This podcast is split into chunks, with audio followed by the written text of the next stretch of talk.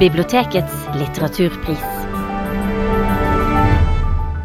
Hei og velkommen til denne podkasten der vi skal snakke om en av de ti nominerte bøkene til Bibliotekets litteraturpris 2023. På biblioteketslitteraturpris.no kan du stemme på din favoritt fram til 6.9. Og Du kan også henvende deg til ditt lokale bibliotek for å få mer informasjon om prisen og om hvordan du kan stemme. Og du kan selvfølgelig også låne de nominerte bøkene der. Jeg heter Thomas Gustafsson og jeg jobber på Sølvberget. Og med meg så har jeg Veronica Talgø fra Trondheim bibliotek Hei. og Robin van de Valle fra Bergen offentlige bibliotek. Hei. Velkomne. Takk. Nå skal vi snakke om eh, Vonde blommer av Gunhild Øyehaug. Eh, og så tenkte jeg Normalt sett når jeg holder en sånn podcast, så pleier jeg å spørre hva handler boken om. Men det er litt vanskelig, fordi det er en novellesamling. sant? Og det, er, det er ikke et gjennomgående tema. Men hva, hva skal vi si om en novellesamling der eh, en novelle handler om at allting plutselig blir forvandlet til slimåler? Hva sier vi da? Hva sier du, Veronica? Ja, det er jo en veldig, veldig morsom, leken og sprø novellesamling, eh, vil jeg si. Eh, der handlingene nærmest kan minne mer om drømmer til tider enn om hverdagen. Eh, samtidig som at den ofte kommenterer hverdagen. Ja, og det er jo ganske mange og ganske korte noveller som den eh, består av. Og det som også er gøy, er at de ofte henger sammen, selv om Ikke alltid, da, men det skjer ofte at eh, novellene liksom kommenterer på hverandre og til og med begynner å krangle med hverandre. Vi protesterer mot den forrige novellen, skjer det ofte at, det- at det står. Og så kommer det en hel forklaring hvorfor det var noe galt med den forrige novellen, og så er det sånn korrektur, da. Dette burde istedenfor ha skjedd. Men ja, jeg er enig i dette veldig morsomme, absurde, veldig oppfinnsomme noveller som eh, ofte er skrevet også i en ganske sånn lun tone, som for meg også virker veldig vestlandsk. Eller det er noe med den der humoren som er litt sånn, eh, Ja, det er sånn veldig, ironisk. Og, ja. veldig skarpvittig, ja, eh, vil jeg si, på en sånn ikke veldig typisk norsk måte, kanskje. mm. Ja, ja, det- for hun er også oppmerksom utenlands og blir oversatt og omtalt i New York Times og så videre. Det er ikke heller typisk, det er ikke så alle norske forfattere som blir det. Og også at eh, en av de største internasjonale litteraturkritikerne, James Woods, har, har liksom, eh, liker henne kjempegodt og kaller henne for the Norwegian queen of short story, eller noe lignende. sant? Hun skiller seg ut også internasjonalt, på en måte. Absolutt. Men uh, når du spør sånn om sammenhenger i boka, eller om det er sånn gjennomgående ting, så er det på en måte vanskelig å svare på. På den andre sida tenker jeg at f.eks. dette med dyr kan være en sånn gjennomgående Det er veldig ofte at novellene enten handler om et dyr, at det er et dyr som forteller. For eksempel så er det en her, en novelle som heter 'Digressivt anfall', som handler om en bjørn som er- egentlig er i skogen og skal jakte på en helt perfekt eh, hjort, som man tenker er perfekte byttedyr. Men så ser han på veien dit at åh, her var det en blåbærbuske med helt nydelige blåbær. Og så blir han sånn helt opphengt i de blåbærene, da. Og så, når han er ferdig med de, så har hjorten forsvunnet. Og så tenker han å nei, igjen et digressivt anfall, jeg må skjerpe meg og bli flinkere på det. Så Ja, og det er jo veldig representativt for novellene i denne novellesamlinga generelt, syns jeg, at uh, de starter på en måte, og så tar den en helt uventa vei. Eh, og det er veldig, veldig morsomt og veldig godt å være med på, for at det er nesten som at du blir mer bevisst på hva det er du faktisk leser, syns jeg. At uh, du blir liksom tatt litt ut av handlinga og, og satt inn igjen på en ny måte.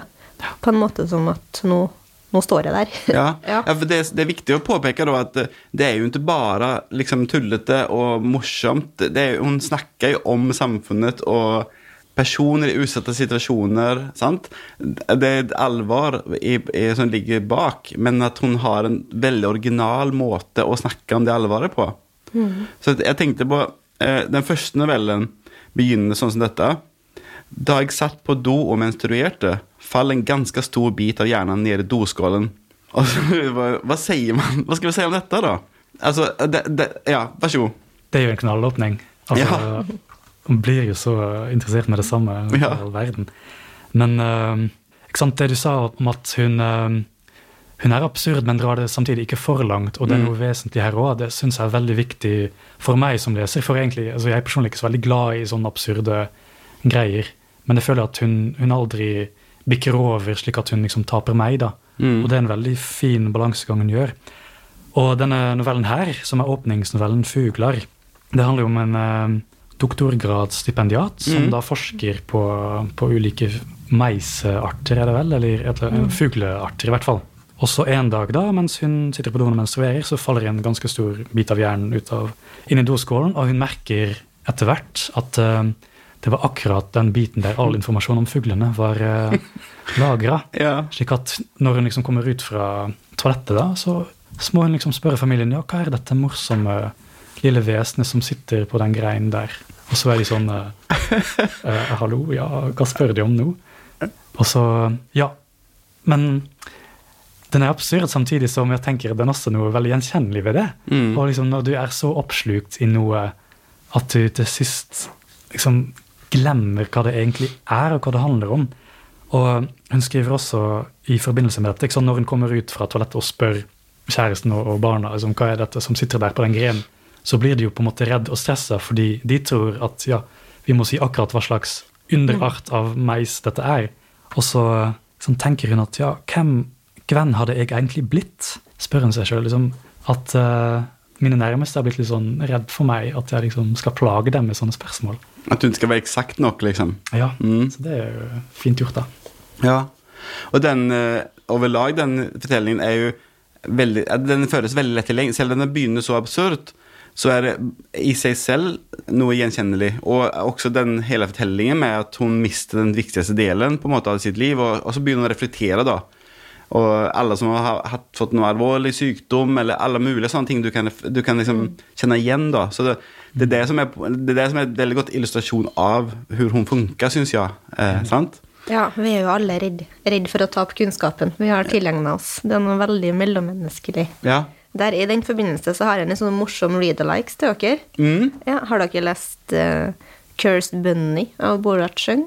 Nei? Nei, jeg syns novellesamlinga hennes minner litt om Gunhild Øyhaug generelt.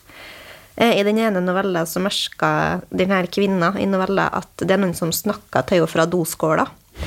Eh, og det viser seg at det er et hode der da, som roper på mammaen sin. Eh, og det er hun kvinnen i novella, da.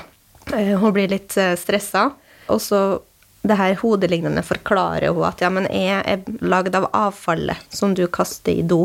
Eh, og kan du være så snill å fortsette å kaste avfallet i do, sånn at jeg kan bygge kroppen min og leve sammen med det, mora mi. Wow. Ja, og det, det høres ut som noe Gunhild Øyhaug også kunne ha skrevet. Eh, og så fortsetter jo det her hodet da å dukke opp i do der hun her kvinna er, så den ender på en måte opp med å stille spørsmål om morsrollen, da. eh, så er veldig sånn fiffig på samme måte som Gunhild Øyhaug sin novellesamling 'Boratsjung', Bunny' òg. Der varierer sjangeren, sånn som i Øyhaug sin at når den er dystopisk sci-fi Mm. Eh, altså, de er veldig, veldig sammenlignbare, syns Ja. jeg. Eh, og Boratsjung er jo sørkoreansk, da. Mm. Mm. Gunnar Høyhaug har jo også beveget seg inn på science fiction-feltet før med andre ting hun har gitt ut. Sånn som den Presens uh, Maskina, er det den heter. Den, eh, den er på en måte litt eh, science fiction, men den er for, på en måte framfor alt eh, noen som savner noe. Så det handler om savn. Jeg, og den var utrolig fin. Eh, og det, jeg føler at det, det er det som preger hennes tekster. Da, at man, om man liksom ikke blir for opphengt i det, det galne, så ser man også det andre, på en måte. Mm. Man må gi seg litt hen til disse og Ja. liksom godta at jo, det er litt absurd. Man må, Man må kjøpe det. Ja. Men når det er sagt, så tenker jeg jo, eller vi har tenkt litt rundt kan, hvem kan denne boka passe for. Og da tenker jeg egentlig at for alle som leser, man må ikke være sånn spesielt interessert i, i sci-fi eller i novellekunst i det hele tatt. Men nettopp fordi en bok som denne er så forskjellig fra alt det andre som på en måte er rådende i litteraturen i dag, alle de der eh, samfunnsrealistiske middelklasse familiefortellingene og alle de romanene, at det ligger en verdi jo bare det å utsette deg selv for noe som er liksom helt annet. da. Mm. Og um, samtidig så føler jeg òg at um, det handler også om skriving, disse novellene. De peker på seg selv hele tiden og setter fokuset på på en måte håndverket. Og hva er egentlig fiksjon? Hva er egentlig det å skrive? Føler at um, i veldig mange av novellene så begynner Øyhaug bare å fortelle noe, men så stopper hun opp og tenker sånn Nei, men hvem er egentlig jeg, fortelleren, i denne Mm. novellen? Det går jo egentlig ikke an. Hvorfor er dette synspunkt? Og så tilpasser hun seg. Nei, vi kan like gjerne prøve noe annet. Og så går hun videre på noe fra et helt annet ståsted. så det på en måte peker på ja, Hva er egentlig fiksjon? Hvor mye skal vi godta? Ja, Ja. i en av novellene så er det jo en kvinne som har et litt unikt problem, der alt hun tar i blir til slimåler. Eh, og da er det jo fort at vi kanskje kan tenke det litt sånn metaforisk, da, at eh, menn hun møter etter hvert bli til slimåler, men da sier jo novellene nei til oss. Nei, det her, Det det her, er. det er ikke, det her skjer konkret med henne. Så det er veldig morsomt at noveller hele tida kommenterer på sine egne tolkningsmuligheter, da. Det som er så gøy er at hun er så sprelsk liksom. Hun var 'Å nei, du, du kan ikke fange meg på den måten. Det er ikke sånn det är, det er ikke sånn jeg tenkte, liksom. Og det er sånn at man blir på en måte, ofta när man läser så, så är ju målet att inte vara bevisst på selve teksten. Men her er det omvendt, og det også funker så bra. Og det er, så, det er kjempegøy, og man er så utrolig fantasirik. Det er veldig, veldig sånn imponerende. Og frigjørende, syns jeg også, Ja. som leser. At bare Nei, nei, det fins også en annen måte å se det på. Det Ja. er ikke den eneste, det eneste narrativet som vi skal godkjenne. Det fins alltid en utvei til noe helt annet. Ja. det er så føles så luftig og så lyst. Altså. Ja. Mm. Altså, så er hun så sinnssykt flink på eh, åpningssetninger. Sånn som en av de novellene som begynner en morgen helt ut av det blå, foreslo Ruth at vi skulle slutte med pistoler. Og det er bare sånn Hva er dette nå, da? liksom? Og så forteller hun, da. Og så er, er det en egentlig litt skummel fortelling, på en måte, men åpningen er så absurd at det blir sånn Man blir dratt inn. Altså, nu, eh, Neste spørsmål jeg hadde tenkt da, er hva er det som utmerker og skiller Gunhild Øyhaug fra andre forfattere? Men det føles som at vi allerede egentlig setter fingeren på det. Har de noe som de har lyst til å utvide? Det, det er jo det at hun er morsom og på en måte tar leseren og teksten på alvor, samtidig som hun er veldig sånn uvøren, liksom. Ja, så er det jo veldig mye intertekstuelle referanser, da. Eh, I den, sånn at det er jo mye, mye snacks eh, der Ja. å finne for oss som har studert litteratur. Det er jo mye, mye morsomheter med modernister som Virginia Woolf. eh, Og, eh, sånn at eh, det er jo også en, en morsom dimensjon, da, som kanskje Ja. Og tittelen, ikke sant, 'Vonde blomer', som jo Mm. er Charles Baudelaire, 'De vondes blomer'. Ja. For meg er det vondt i dubbel hentydning, for jeg, når jeg tok eh, bibliotekarutdanning, så var en av oppgavene på en eksamen var å, å analysere vonde blomster av både der, og det gikk ikke så veldig bra for meg. Men dette er på en måte, det, dette er ikke vanskelig tilgjengelig. Det er bare det at uansett hvilket nivå lesere du er, så er det alltid noe å ta tak i. Du kan være sånn som du sier, litteraturvitere, og likevel er det masse. Men du kan også være en sånn som leser liksom casual, og det er masse, da er det gøy. Og, altså det, det er noe for alle her, syns jeg. Absolutt. Og jeg syns òg at, um, som du sa litt i starten, at James Wood har kalt henne for en novellemester. ikke sant? Um, at dette er en veldig grei inngang til forfatterskapet hennes som helhet. Mm. For at hvis man ikke har lest Gunhild Øyehaug før, så vil jeg personlig anbefale novellene, og da spesielt 'Vonde blomer. For Mm. det liksom syns kanskje hun er på sitt beste i den, den formen, da. Ja. Mm. Og, det, og de er også veld, Noen av dem er veldig korte. Eh, altså, men det er jo en relativt liten bok, og det er mange noveller oppi. Så det er, av det er ikke krevende. og du, du kan jo begynne med en du liker åpningen på, og så se om du, hvor langt du kommer. Og så kan det godt være at du plutselig har lest hele boken. Fordi at det, det jo, du bare hopp, hopper videre til neste verden i neste novelle. Eller, eh, eller ikke. At du plutselig er i samme verden i neste novelle. Eh, ja, så For folk som er nysgjerrige, da, som hører på oss, har ni en favorittpassasje eller en favorittnovelle som ni har lyst til å trekke fram? Ja, flere. Ja. Jeg syns eh, den er veldig De er veldig morsomme, de novellene som heter Tråden 1, 2, 3 og 4. Eh, For de novellene eh, går i dialog med hverandre. Vi starter med en novelle med en eldre dame som ligger i senga si på et sykehjem. Eh, Hun lurer litt på hvor hun er, og hva som foregår. Og så i neste novelle så er det noen som protesterer på det her handlingsforløpet. De protesterer på at den eldre dama ligger alene i senga si. Eh, og så foreslår de en, et nytt narrativt forløp, da.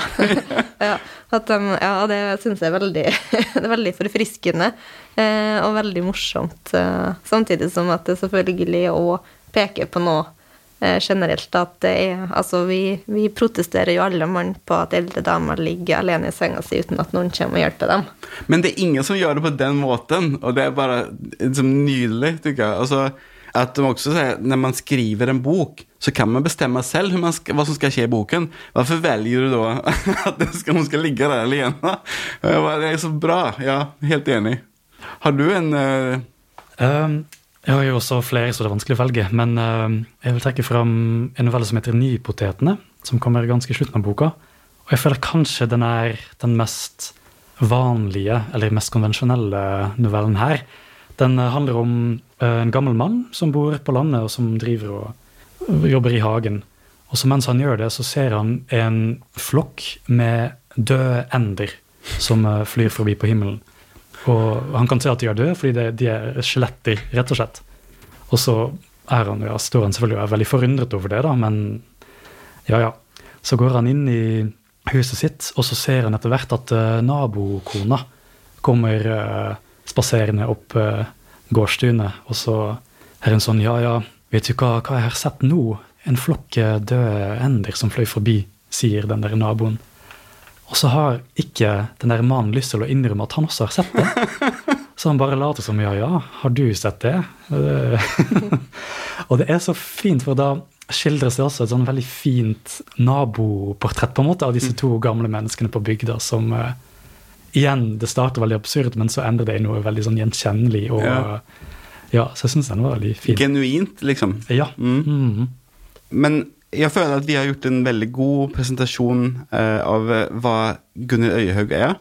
Eh, og jeg, vi kan jo anbefale det til, eh, til alle. Og hva, hva, føler ni er liksom, hva er grunnen til at denne boken er med eh, blant en av de ti finalistene? Er det noen ting som eh, utmerker den, som gjør at, at den ja, den er jo veldig annerledes mm. Eh, og veldig nyskapende, mm. synes jeg. Og jeg er jo veldig glad i eksperimentelle, absurde litterære saker. Eh, sånn at det her er jo virkelig, virkelig noe for meg. Men jeg tror òg at eh, vi alle sammen har godt av å lese noe annet enn det vi vanligvis gjør hele ja. tida. Og her så blir det virkelig satt fokus på lesesituasjonen, og det er en bok du husker og sannsynligvis kommer til å komme tilbake til. Ja, enig. Og jeg føler også at den midt i alt det absurde også sier mye om det å skrive om litteraturens kraft, og at sant, man kan gjøre hva du vil i, i, en bok, både som forfatter, men også som leser. At du kan ja, føler Det er noe med sånn lesegleden i denne boka som mm. syns er veldig sånn forfriskende. da. Ja, for skrivegleden smitter videre til leserne, sant? Absolutt. Mm. Mm. Ja, Tusen takk for at dere kom og snakket med meg om uh, denne boken. Mm, tusen takk. Eh, Husk å stemme på din favoritt på biblioteketslitteraturpris.no innen 6. september.